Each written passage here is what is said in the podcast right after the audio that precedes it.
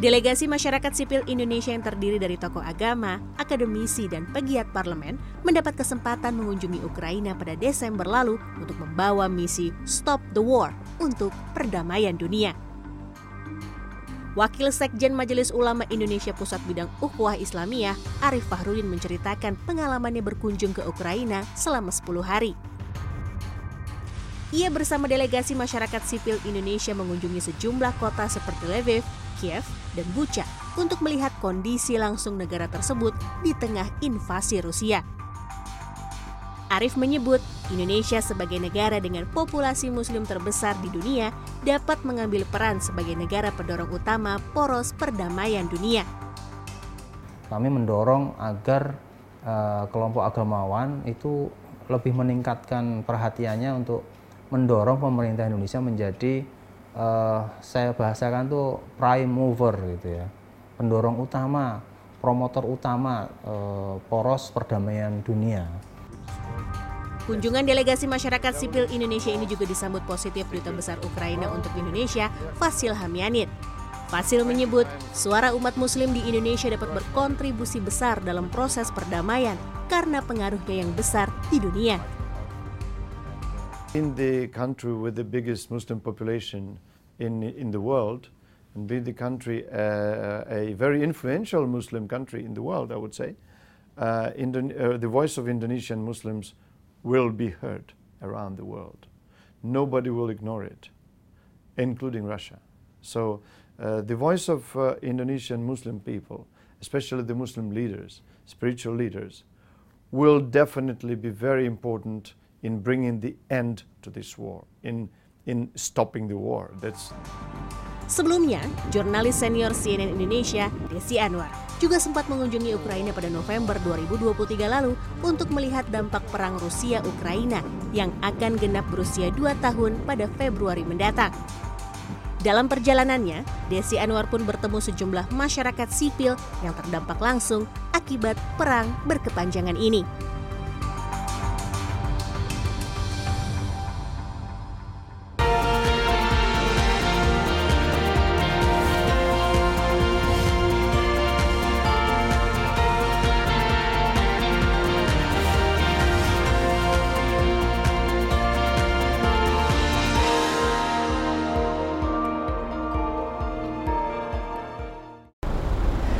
Insight with Desiano dari Kiev, Ukraina. Saat ini saya berada di luar bangunan Pusat Prosthetics dan Rehabilitasi, Center for Prosthetics and Rehabilitation. Di sini khusus untuk mereka yang memerlukan kaki palsu akibat kecelakaan ataupun cedera yang mereka alami sehingga mereka diamputasi dan memerlukan prosthetics. Ada sekitar 9 pusat rehabilitasi dan prosthetics atau pusat pembuatan kaki palsu ini di Ukraina dan jumlah pasiennya pun semakin lama semakin meningkat apalagi sejak terjadinya perang dengan Rusia jumlah pasiennya pun semakin banyak terdiri dari para tentara yang tentu saja kehilangan atau ya luka akibat di medan perang. Catatan terakhir dalam satu hari ada sekitar 20 orang yang datang ke sini untuk mendapatkan kaki palsu karena cedera yang mereka alami di medan perang.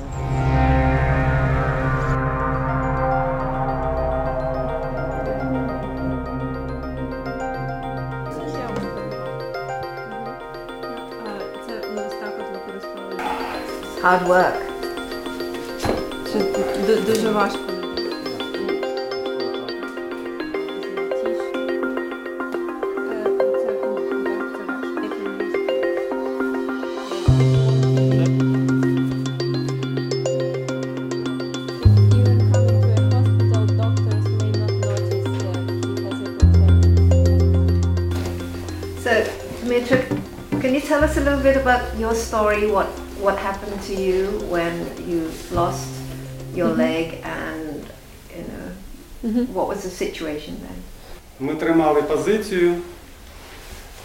Ну, Прийшла зміна, нас поміняли, і ми з нашої групи почали повертатися. Але та ділянка, де ми поверталися, вона була е, ну, ми просунулися вперед і ще не встигли розмінувати її повністю. всю. Ми досить ну, на 4,5 кілометра ми пройшли вперед. От. І коли поверталися дорогою, ну, тою дорогою вже декілька разів ходили. От, е, ну, можливо, там невідомо, як так вийшло, що заходимо на ділянку, ми рухаємося по всіх правилах е, цепочкою. Ось. І е, я йшов п'ятим.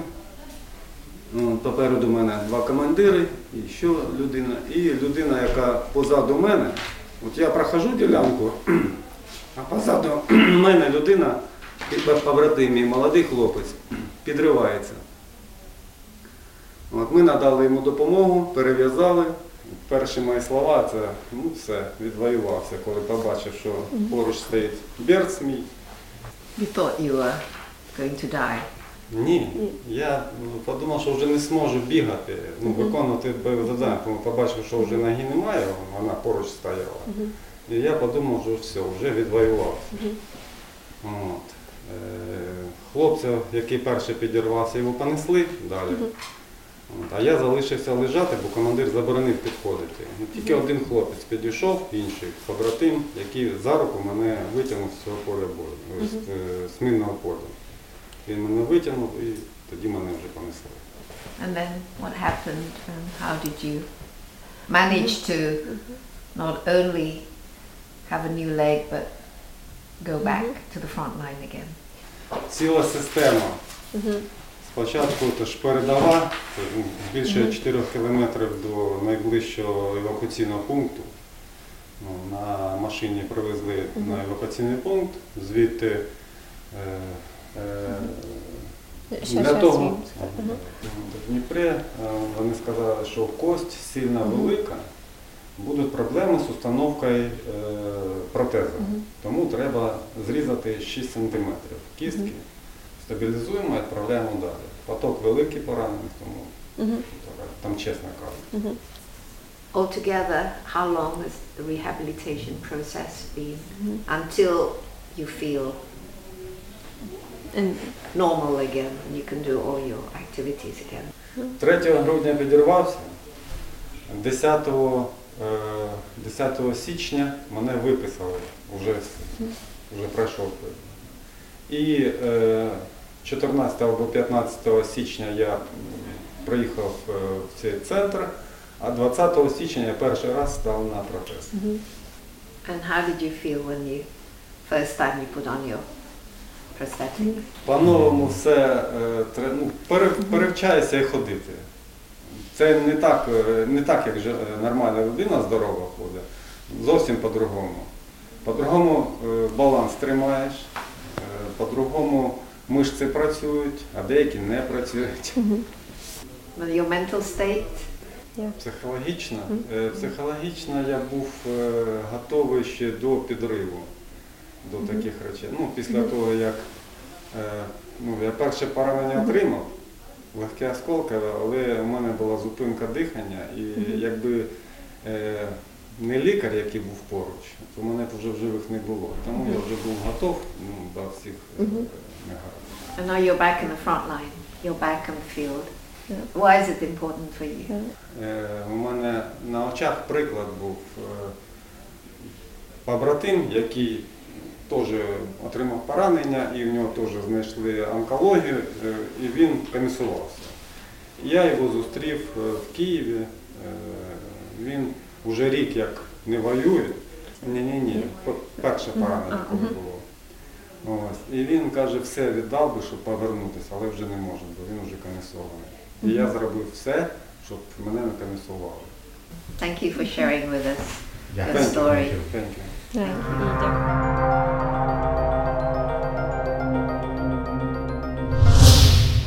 War will be 10 years uh, or more time. Uh, we have not enough in country, I think, my subjective thing, uh, prosthetics master.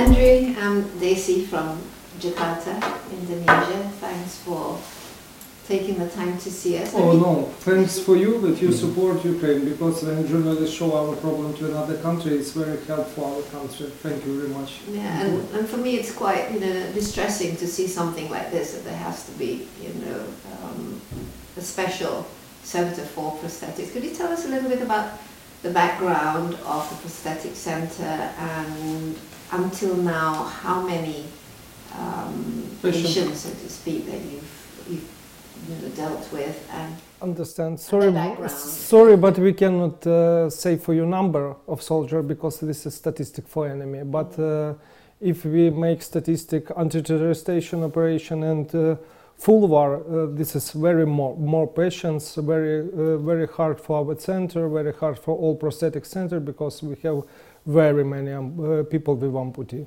Because this is artillery, aircraft, shooting, mine, all day. All day we have many people with amputee. so what year was this prosthetic centre set up? We have owner. Our owner, this is Indian guy. He from India. He uh, started uh, the, our center in uh, 20 in 2030 years. He start uh, to make this center. This is one center only in Kiev, but uh, then we have trouble We with anti-terroristation operation with Russia. Uh, we uh, start to and create nine center in big city in Ukraine, and now we have nine city, uh, nine center, and uh, I think in next month we open uh, ten center in Chernigiv. Um, this is for good logistic. This is for more comfortable for our patients uh, that they can make fix, make prosthetics in Kiev, Lviv, Chernihiv, and other center, and. We work uh, our mission is help to come back this guy to normal life. So could you tell us in detail what are the facilities and also the services and treatments provided here in the centre? we make all that uh, patient have amputee and come to hospital. And after hospital we must uh, recover these people. And uh, then you see on man or girl uh, the uh, closers you cannot see what amputee he have. We make uh, physical therapist ergotherapist operations and uh, co- command team special м, вправо как будет м, Yeah, yeah. mm, and uh, we make prosthetics. From the first step, we make mod, we, we do model, and for the finish, we make and complete all prosthetics. And they study how work with prosthetics, how live with prosthetics, and how use these prosthetics. Yes. And the profile of your patients, are they you mentioned children as well? And uh, Children, we just have ordinary two, but people? ch- children, civilian people, and soldier. But uh, not only civilian who have amputee with war. Um, some civilian have some trouble with health. This is sugar diabetes and another and uh, auto crashing. All people who have amputee in our country we make for them prosthetics.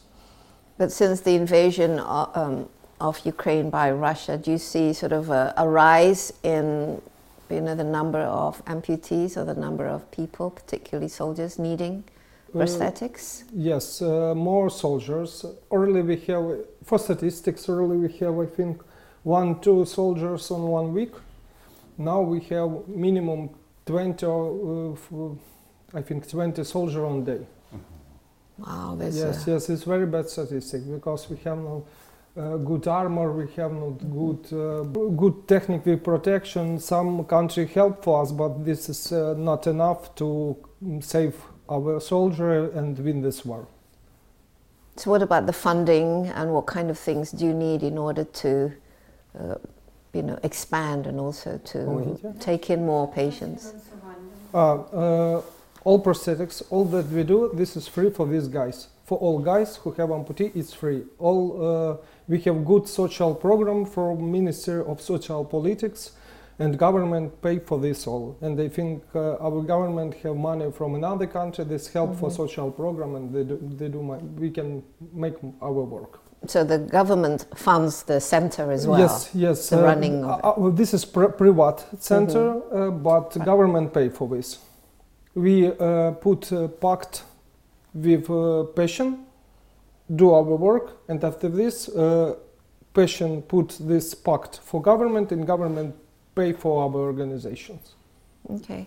Okay, so, so what are, you, you have more and more patients, you said now, uh, you know, on a daily basis. What are the main challenges um, of, you know, having this kind of center? What, what, what kind of uh, things that you need in order to improve the services that you give?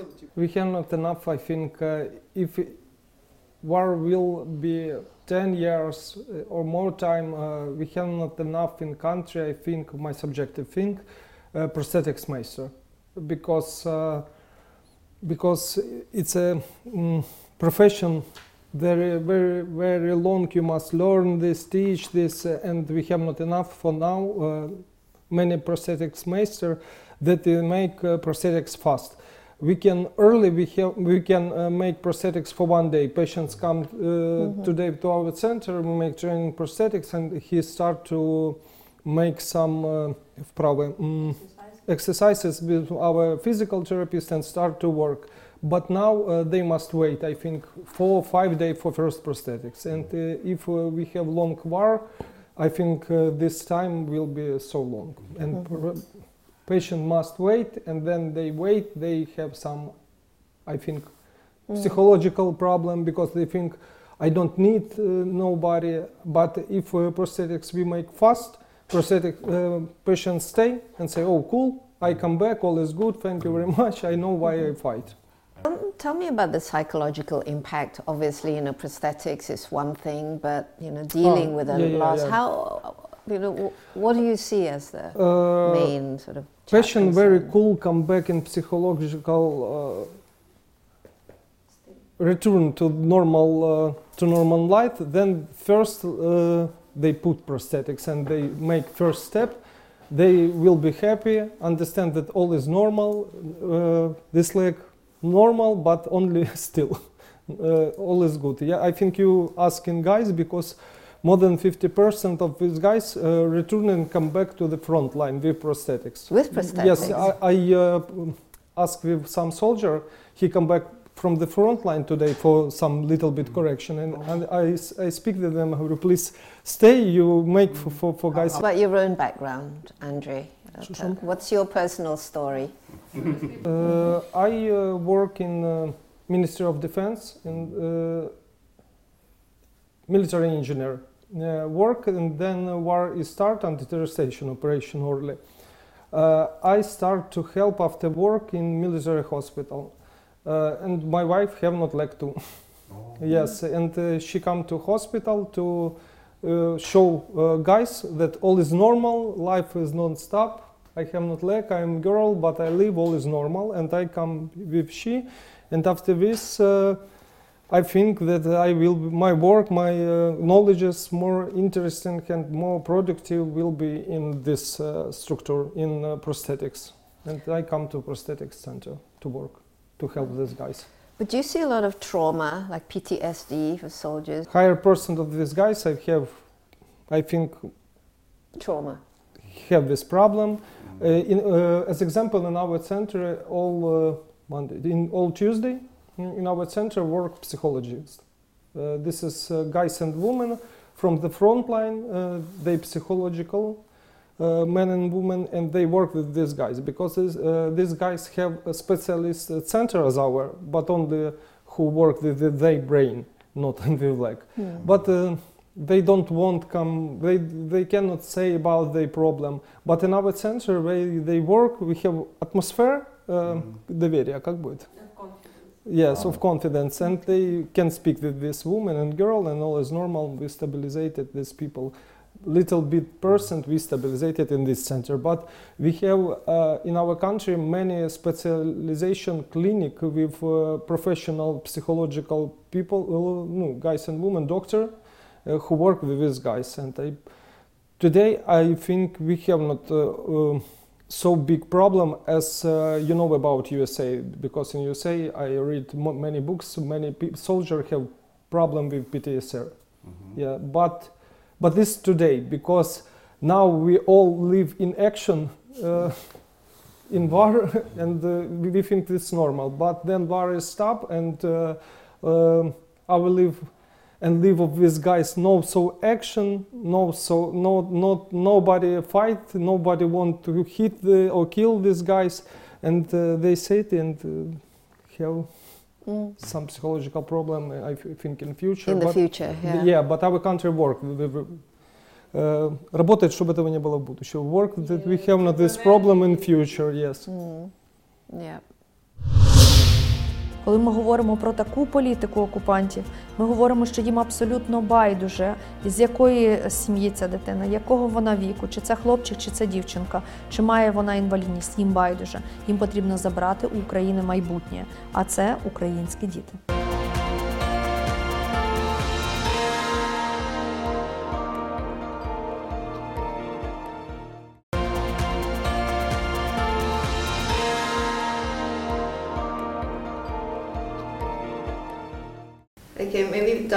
You start by telling us what is the special representative for uh, the children's issues? Uh, what do you do, and uh, why is it important? Uh, things that you do.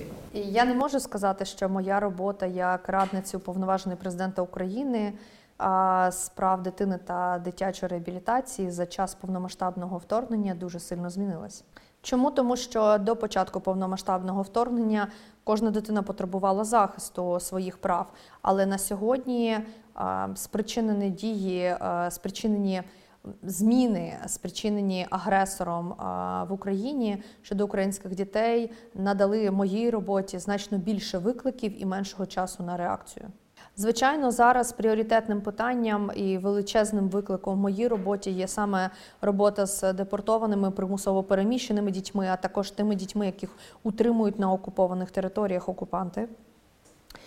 Відповідно, ем, останні, майже останній рік я являюсь координатором плану Bring Kids Back UA, ухваленого президентом України. Про нього я розповім детальніше.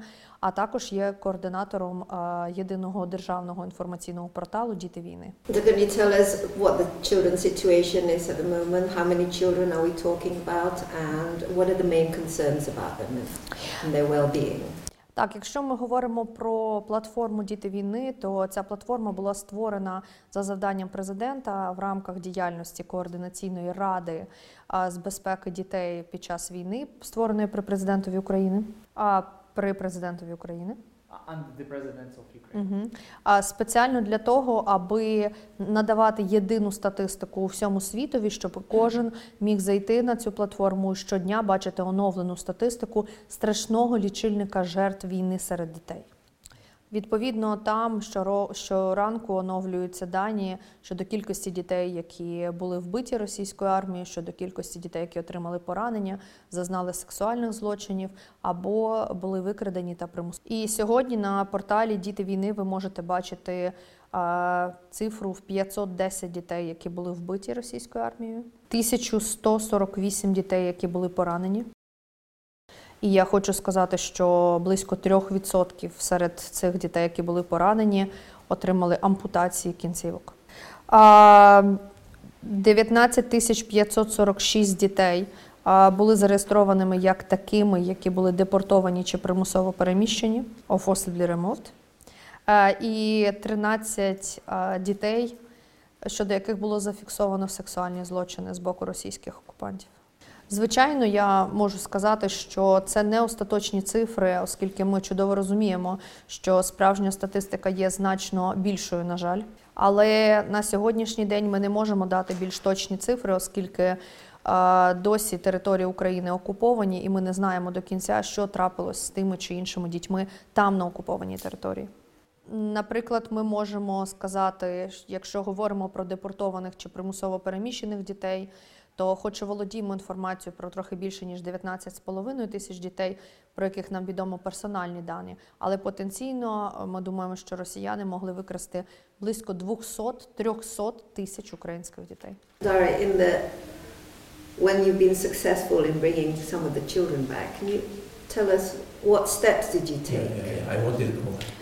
А я не можу коментувати будь-яку детальну інформацію щодо кейсів повернення українських дітей, тому що якщо Сьогодні ми будемо це озвучувати. Це говорить про те, що ми не зможемо повернути за цією процедурою жодну українську дитину. Єдиного механізму поки немає. Ми створюємо драфт, але ті способи, які ми зараз використовуємо, мають залишатися максимально е, в інформаційній тиші. А якщо сказати в загальних рисах, то для того, щоб повернути дитину, потрібно мати її біологічних рідних, які здатні виїхати до Російської Федерації з відповідним пакетом необхідних документів і повернутися з дитиною назад. Але це повинні бути здорові люди, які можуть витримати таку важку дорогу. Це мають бути не військові люди, інакше їх ніколи звідти не випустять. Це мають бути люди, які мають величезну категорію обмежень, інакше вони ніколи не повернуться з Російської Федерації разом з дитиною. What's the, the majority of the children who are abducted? Can you tell us a little bit about their background, or what kind of families they're from, and, and which areas, and the conditions of their current family? А відповідаючи на ваше питання, я скажу, що повернуся до мети. Ми говоримо про геноцидну політику. Коли ми говоримо про таку політику окупантів, ми говоримо, що їм абсолютно байдуже, з якої сім'ї ця дитина, якого вона віку, чи це хлопчик, чи це дівчинка, чи має вона інвалідність. Їм байдуже. Їм потрібно забрати у України майбутнє, а це українські діти. Але якщо ми говоримо про шостий сценарій, який я ще сьогодні не чіпала, це власне. Виглядає як відбір дітей. Тому що що росіяни роблять? Вони запровадили обов'язковий медичний огляд дітей на окупованій території, і тут раптом під час цього огляду у абсолютно здорових дітей з'являється діагноз, який потребує негайного лікування чи реабілітації в Російській Федерації. Тож ми говоримо про різні способи. Ми говоримо про те, що росіяни абсолютно дегуманні істоти. Коли викрадають українських дітей, вони також проходять процедуру фільтрації. Знаєте, для чого потрібна фільтрація? Для того, щоб знищити відчуття гідності, власної гідності. Тому що дитину так само роздягають, оглядають. У дитини забирають її персональні речі, і таким чином вона втрачає е, відчуття особистості, прив'язки до того, що вона особистість. Вона втрачає можливість опиратися. І якщо додати до цього потім процедуру індоктринації, коли починається ось така промивка мізків, коли починають розповідати, що України не існує, і ти е, втратив свою родину, у тебе вбили батьки, не ми росіяни. Ну да, ми росіяни, але ми тому, що е, захищали тебе від е, України. Thank you very much for your insight. It's Yeah. very disturbing to hear. We start our Ukrainian corridors from August this year and already supply more than 6 million ton on the market of uh, different countries. And it's uh, very important for, for the economic, not only Ukraine, but uh, for the world.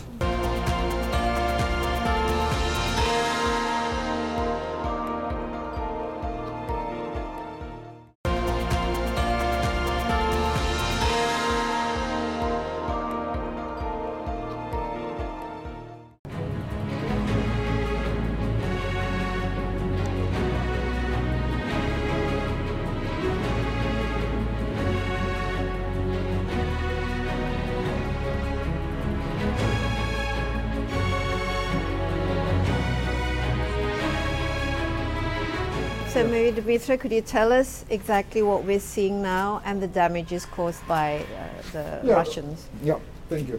Uh, right now we are uh, on at uh, the passenger terminal of Odessa seaport.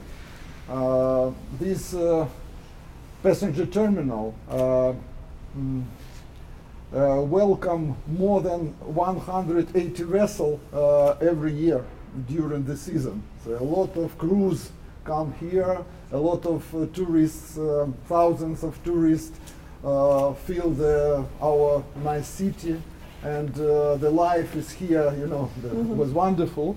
Uh, unfortunately, you can see what's going on, how the Russian uh, missiles and drones destroyed the passenger terminals. It was a nightmare. It was, uh, I don't remember exactly uh, uh, at, uh, when it was uh, this attack. This year? 23rd of September. So- is just one month ago. yeah. Yeah, So this is recent. Yeah, yeah, one month ago they start with the uh, missiles, then the, they attacked by drones, and uh, unfortunately uh, it's, uh, it, it can't be repeated uh, so fast, uh, and uh, we expect to do it uh, during the next year maybe. But uh, no passenger vessel due to security reason, due to safety reason, the, uh, did not come to Odessa women's.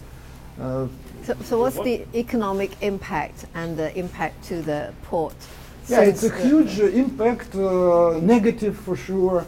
Uh, it's not only an impact for Ukraine and for Ukrainian ports. Uh, as you know, from the beginning, uh, half a year, almost half a year, all uh, ports were blocked. Um, some of them uh, were temporarily occupied, like like Mariupol, like Berdyansk. Uh, actually, f- five our ports occupied it from 2014 in Crimea. Uh, then, uh, thanks to our military forces, we win back Kherson port, uh, but unfortunately we can't use it because the Russian very near and they use the artillery every day and every day uh, the people died, civilian, not the uh, Military. military. Yeah, and uh, uh, from the beginning, when uh, all ports were blocked, the price for the uh, agriculture products, for the food stuff, extremely rise. Uh, it's uh, for 20 or 25 percent. All all prices rise. And uh, then, when uh, these uh, grain initiative were signed uh, uh, in August, uh, in Aug- no, it was signed on 22nd of July 2022, and first vessel leave, uh, left the mm, uh, Odessa port on 1st of August, and the price immediately Dropped. dropped. Uh, we uh, worked very close with World Food Program of United Nations, and uh, I was surprised that half of the World Food Program depend of Ukraine. So uh, it's filled by Ukrainian agriculture products. Uh, uh, for sure, uh, World Food Program can buy more if the price lower. It's uh, logically it's. Uh, uh, and uh, then we start to work in accordance with this grain initiative, and the, pr- as I said, the price dropped, and we supply, like Denise said, uh, almost 33 million ton on the world market, uh, food world market, uh, during this grain initiative. But then Russia went out, went out from uh, don't continue uh, participation, and we start again. Thanks for our military forces, for our navy, we start our Ukrainian corridors from August this year, and already supply more than six million ton on the market of uh, different countries, in Indonesia. Uh, uh, South Korea, China. uh, a lot China, a lot of Africa countries, Thailand. Uh, yeah, it's uh, very important for mm, for the economic, not only Ukraine, but uh, for the world. So what is And, um, Dmitry, just very quickly, we get some idea of the installations, particularly the grain, uh, you know, installations that were destroyed in this port. Um, yeah, we exact- have damages and we repair it. And uh, but uh, what were destroyed exactly? Exactly, for example, we have the uh, transshipment terminal, and between the silo we have the loading machine. It is destroyed. And, uh, uh, but you need to understand that um, in Ukraine, uh, Ukrainian Seaport Authority and the stevedoring company, it's a part. So it's uh, they have uh, we have the private one, state-owned one. So they repair it, they renovate it, uh, bring new one, and continue and resume to work. Our responsibility it's, it's the berths, aquatory, so make the oh, sorry dredged works to to uh, secure the vessel for the depth. Uh, and, but we continue all day, every day. We have uh, 6,000 uh, 6,000 employees. We did not fire any person uh, during the war. We continue to pay salary. They keep, we keep them on our payroll. Every day they uh, come, uh, go to the port, go to the uh, to their work, and that is why we can resume our work very fast. Could you imagine then the grain initiative were signed on 22nd of August, last year. And we uh, start to resume our operation uh, 22nd of July, uh, 1st of August. So only one week. And we resume immediately because we maintain, we keep uh, the port in good shape uh, all this time. So it's back to normal now. Are you saying the grain shipment is more or less back to Yes, normal? more, more or less normal. More or less normal. But is grain price back to normal now? The price of grain? Uh, yes, Yeah. more or less uh, normal, uh, but for sure uh, the uh, world market uh, feel the shortage. We uh, before the war we can uh, export it more than 60 million ton of agriculture. Uh, and uh, as Denis said, uh, during the grain initiative, only uh, 32, so half. That is why if Ukraine, Ukraine is, uh, I think, five fifths or sixth uh, main Largest, yeah. exporter of grain. The first of uh, sunflower seed, first of um, sunflower oil, and for sure, and if in a rich country, let's say, in normal country, the um, uh, citizen feel it uh, just this shortage, just for the price reason. That the, one liter of oil was one euro, now it's a two euro. But we have the country, especially in Africa and Asia, where they even can't uh, eat, so they have no food. That is why World Food Program Yeah. support, uh, supply, and uh, Ukraine is very important in uh, this chain of uh, The food supply. security. Yeah, for food security. See, we we have a candidate for the presidency, a young person. I just, I just Ah, said, okay. a young, young person that is trying to change the country. Uh, go and help him in volunteers. So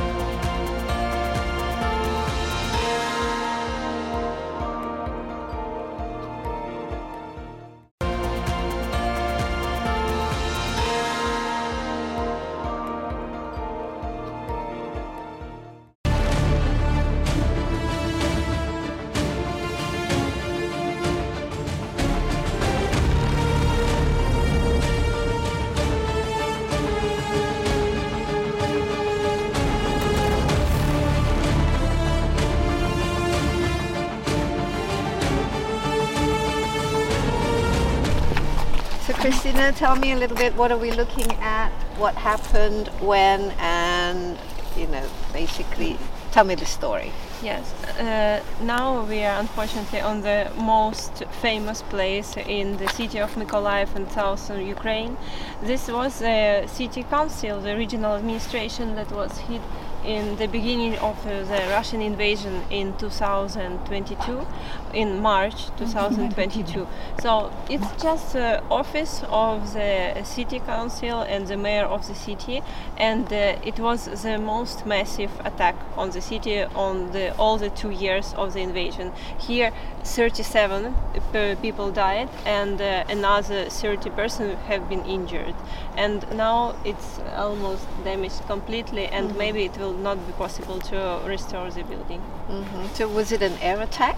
Yes, it was a direct missile hit on the city council. And then what happened? And how did it impact the city as a whole? Is- Uh, honestly, there were lots of panic, and people thought that uh, because it was March and uh, the Russian troops were approaching the city, many people thought that it will be the end of the city and it will be taken by the Russian army.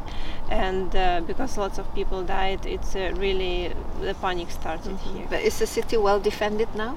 Now, yes, uh, almost the whole region is now liberated from Russians, and uh, we uh, fortificated the region. So now it's uh, almost safe. So it's almost back to normal. Yes, But there'll be a lot of rebuilding done. yes, and demining. Demining. Yes, all the agriculture facilities are mined, and uh, it's dangerous to cultivate crops here, unfortunately. And the seaside is blocked. Okay.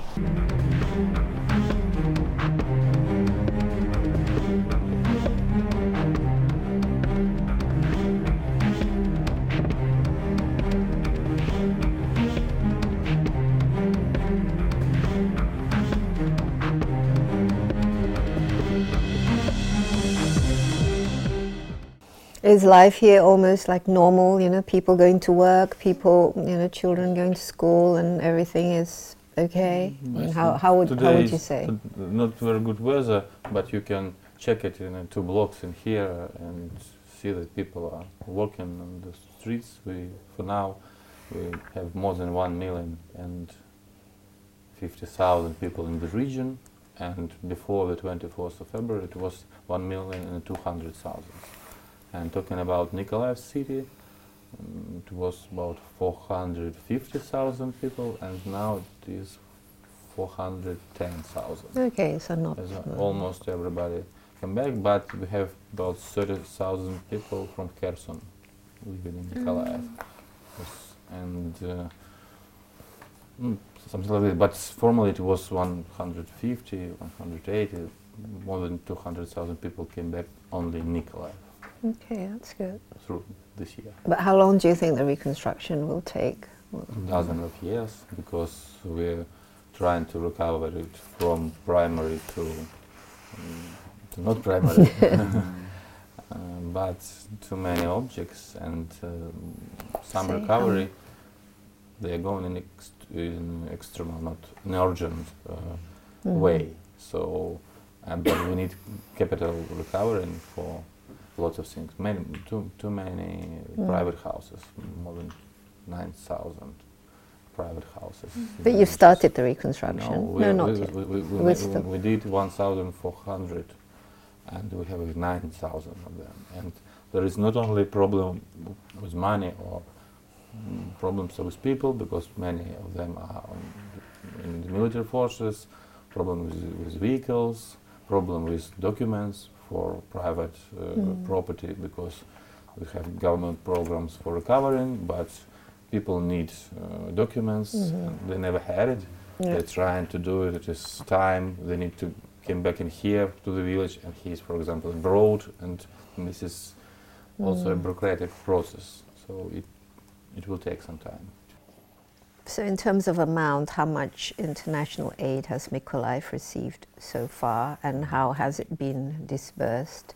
I have. I remember mm numbers that Denmark helped for 75 and ha- half million euros from the Mhm. beginning of the war, uh, and uh, other okay, other partners about 30 million euros of help. This is that we can amount. This is not in money; it is in goods, in, Oh, in, in in materials, goods, in pipes, in generators, in vehicles.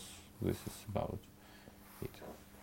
We, we do, we're not. But, but not money. no, we're not, No, not receiving money, and I don't want it. Mm.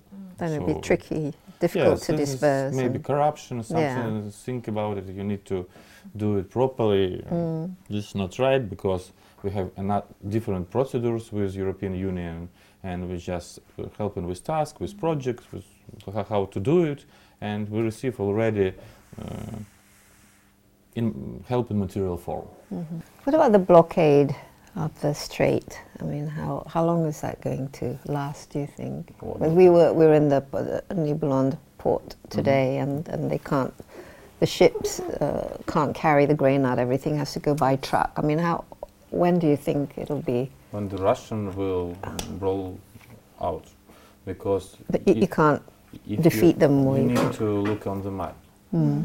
because there is a narrow path exit from our ports from to the sea, Mhm. and this part is about four kilometers. And last time they destroyed two ships, big car, uh, civilian ships with grain. They Mhm. just attacking it with Yeah. primitive weapon. That's why they can see. I'm talking about Odessa. There's I don't know 300 kilometers to Odessa, and they need to shoot missile. Mhm. Very expensive. It's, uh, and in here they can see Mm. it by their own eyes and shoot with everything they want. How did you end up? You said you were a businessman. Yes. And then how did, how, how did you end up where you are now? Uh, you know, through the 2017, 2018, it was a bit like not business, not CEO, like an owner, yes, Mhm. co-owner. So I Business had owner. Lots of free time. I spent it for journeys, for family, for sports, for hobbies.